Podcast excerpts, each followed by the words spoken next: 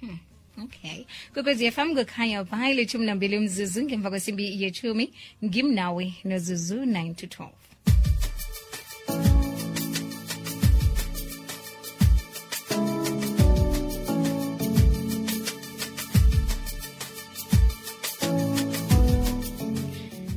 sizokuhambisana nomr harry masinga vela impumalanga mental health society ungunohlala kuhle kanti-ke siyokutsheja indlela sibabantu esithindeke ngayo khulukhulu emsebenzini indlela esithindeke ngayo ngokomkhumbulo. Solo kwafika i-covid-19 kodwana-ke siyitsheja khulu ihlangothi lomuntu okhubazekileko ukuthi phezu kokukhubazeka bese kufika ukugandeleleka ngokomkhumbulo.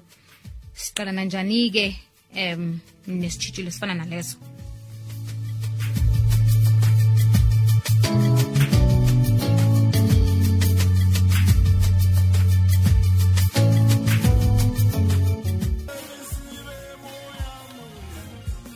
baba masinga lotshani? Lotshani sesizizo njani? Esivukile singeza kini? Hawu mina ngiyaphila. Siyathokoza ukukhulumisana nawe namhlanje emhathweni kwekwezi FM thokoza mina. Baba masinga sisahlelwe yi-covid-19 silwisa eh, silwisana nayo. Yinto esingayiboniko kodwana siyabona imisebenzi yalahleka sikhanjelwa babantu esibathandako zinini zethu bangani. Namhlanje sike sitshetsha ngehlangothini lomsebenzi em abantu emsebenzini ukuthi bathindeke njani khulukhulu emkhumbulweni ukugandeleleka ngokomkhumbulo. Ku- ku- kunjani baba masinga ngokubona kwakho njengonohlala kuhle eh ngiyabonga sesi Zuzu. Ngibawa ukulotshisa abalaleli emakhaya ngempela kule nyanga lena kaJuly ibhekane nokukhumbuzana nge-mental illness awareness month. However sesibheke nokuthi abasebenzi ngempela emisebenzini babhekane nokugandaleleka emicabangweni kulesikhathi lese-covid-19 Mhm. yebo. Em sibheka ukuthi aba aba aba abasebenzi abaningi kulaba sebenza khona kunama challenges ebabhekane nawo. Lawo wayenza ukuthi bagandeleleke kakhulu sibheke indaba yokusaba ukuluza impilo nokukhala ngokuluzakela ngomsebenzi. Ngoba abantu abanye bayasuka bayabakhipha bayohlala emakhaya. Abanye ke bayasebenza kodwa ke umngani wakhe lo asebenza naye bekakhona la. Kodwa ke so unyamalele lokho ku- kukuthathela amandla ukuthi ube nomdlandla uzizwe umcemane uthi ngemsebenzini uya emsebenzini u- udonsa izinyawo. Abantu labo abekho mnandi nesemcondweni Mm, mm, mm. aloke baba masinga sele uziveza inkinga ezikhona imraro esiqalene nayo. Bese u- u- usizwa njani-ke umuntu ukuthi akhone ukuhlukanisa imizwa le ukuthi nje kufanele ngiye emsebenzini kufanele ngiwenze umsebenzi wami nanyana ezwa ubuhlungu bokuthi uchiwa balingani bakhe ngokomsebenzi. Um ngicela ngokuthi ngi- ngi- ngi- ngi- ngicazule ngibeke kahle ukuthi i-depression lena yini Mhm. i-depression sikhuluma ngokucindeteleka or nokugandeleleka eh em- emcabangweni. Eh ongumuntu ophilayo eh lokuhlanganisako nokudiva ukhathele nokuphelelwa lithando letinto leti ukuthabisako. Eh lo muntu lona uyaqasuka ngesikhathi or uyasifilingeka nje. So eh amathwawo singawa mayabonakala emtimbeni. Eh kungaba ukuphelelwa eh ukuphazamiseka ebuthongweni and uma uphazamisekile ebuthongweni thokuthi bekumele ulale 7 to 8 hours kodwa ke wena sowulala 3 site yonke manje soyagcika la embhedeni. Emsebenzini ngempela angeke ubone umdlalo ngenxa yokuthi bekumele ufocus usebenze kodwa ke wena uphethwe ubuthongo. Ukusho ukuthi la emahlombe uzwa ngathi babeke ilitshe lingaka so akukhonakali ukuthi usebenze njengomuntu ophilekile and usebenze nokuba uzikhomba ukuthi ungumuntu ojabulile. Okunye ke singakubona ngoku ngokuthi umuntu eh a imikhuba yakhe yokudla eh umuntu iyatshintsha lapho. Kuyenzeka adle kakhulu. Lokhu kuyentela ukuthi aza again weight or adle kancane. Lokungakalungeli umtimba wakhe bese uloza iweight umuntu onjalo. Esinye isikhathi uyacabanga ukuthi kahle kahle ngiphilelani why kule nkinga le nginayo uNkulunkulu angithaphe or ngihlukane nomhlaba? Hmm. say and then okunye futhi singabheka indaba ukuthi umuntu lona akakhoni ukucabanga bese uthatha isinqumo. Eh ungathi kuye cross robot alibone irobot limvulele kodwa angasaba ukungena because akekho sure. Yeah. So and emsebenzini kumele uthathe ama decisions bathola ukuthi umuntu akakhona ukucabanga athathele i-decision. So umuntu onjalo akakhoni ukuba functional. Ngikuzwa kuhle baba masenga ngiba usibambile njalo sithengise bese sibuye kodwa usiragele phambili nenkulumo yethu kubonga mina. Imashumi amabili nanye imzuzu ngemva kwesimbi yetshumi kwekwezi fm kukhanya bange mnaweni ozuzu 9 to 12 sikhambisana nomnumzana uharry masinga ovela impumelanga mental health society ongunohlala kuhle. Kanti-ke sitshetsha ukugandeleleka ngokomkhumbulo ebasebenzini njengoba nake silwisana ne-covid-19 masinga uveza bona umuntu nakagandelelekile um kuba nezinto esilindele bona azenze kodwa angakhona ukuzenza wafanisa nokweqa indlela. Manje sike lapha emsebenzini njengomuntu ekufanele athathe inqundo njengomuntu ekulindelwe okuthileko kuye. Um kuhlanganisa nokusaba ukwenza amaphutha kanti-ke siyazi bona umuntu nakacabanga ngaleyo ndlela kulapha enza khona um amaphutha amaningi bese usebenza njani-ke? Um ngoba sekasaba ukucotshwa naye abanye baphelelwe umsebenzi abanye bayagula abanye bahlongakele.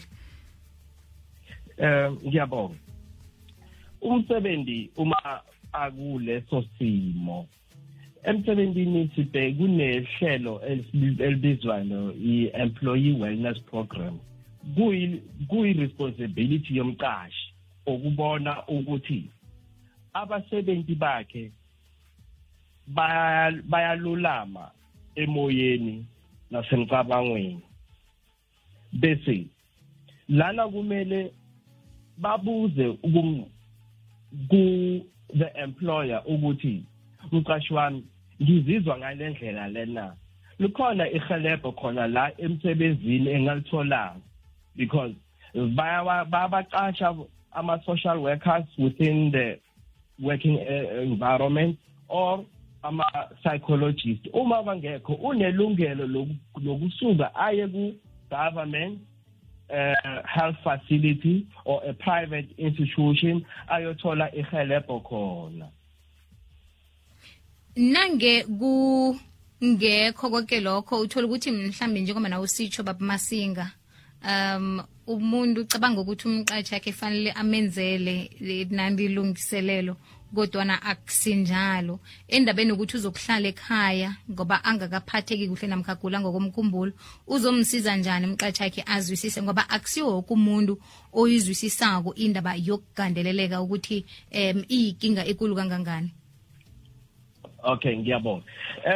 Um uh, all the public and private sector formal sectors ngicabanga ukuthi yonke into ime ngendlela lefanelekile okubhekene namalungelo wabasebenzi. Eh uma kunjalo mntakwethu thatha isinqumo uye uyothola uye emtholampilo. Emtholampilo bazokunikela iphepha elikhombako ukuthi wena bowukhona la kubo ozocela ihelebho lelo ufike ukhalako ngalo. Bese uma ufika emsebenzini uyakhona ukuthatha leyo ncwadi sibiza note or a, a, a certificate ekhomba ukuthi wena bowungakahlali nje kodwa-ke bowuye emtholampilo uyothola ihelebho ngenxa yale nkinga le unayo. Ngikuzwa kuhle baba masinga. Aloke nangeke ukuthi sihloga isizo lenu sinifumana njani? Okay ngiyabonga. Isizo lethu sikhona thina la emakhaya siyenza ama-community outreach sama uh, mental health care practitioners. Okay. uma uma uzizwa ukuthi unenkinga leyo ke uyakhona ukusifonela kule number lena. Ngayibiza ke iye baba masinga siyayibawa. 081 48 15 084 so thina sisebenza kanje sigayida ngiyo i-mental health care act 17 of 2002 isho ukuthi uma umuntu umbona ukuthi uyagula or um, abamletha kuwe muthathe umise esibhedlela or eclinic kula azotholana le le psychologist yenze ama diagnosis or assessment bese le psychiatric psychiatrist. They'll come on board la umuntu ozodiagnose bese bamnikele bathi bamnikele i-psychotherapy lezotshintsha i-cognitive thinking ne-behavior lomuntu loyo. Kodwa or bamnikeze ama-antidepressants amaphilisi lawa mama masebenzisako basebenzako ukulungisa umuntu uma agandelelekile. Bese nomndeni wakhe thina sama-social workers siyobakhansela sibatshengisa ukuthi okay umuntu la ekhaya uphethwe ngulesifo lesi kodwa singakhona ukuphila naye ngale ndlela lena lena lena then on a monthly basis thina siyamvakashela sihlala sikhuluma nomndeni ukuthi sikhombisane indlela ukuthi siphila kanjani.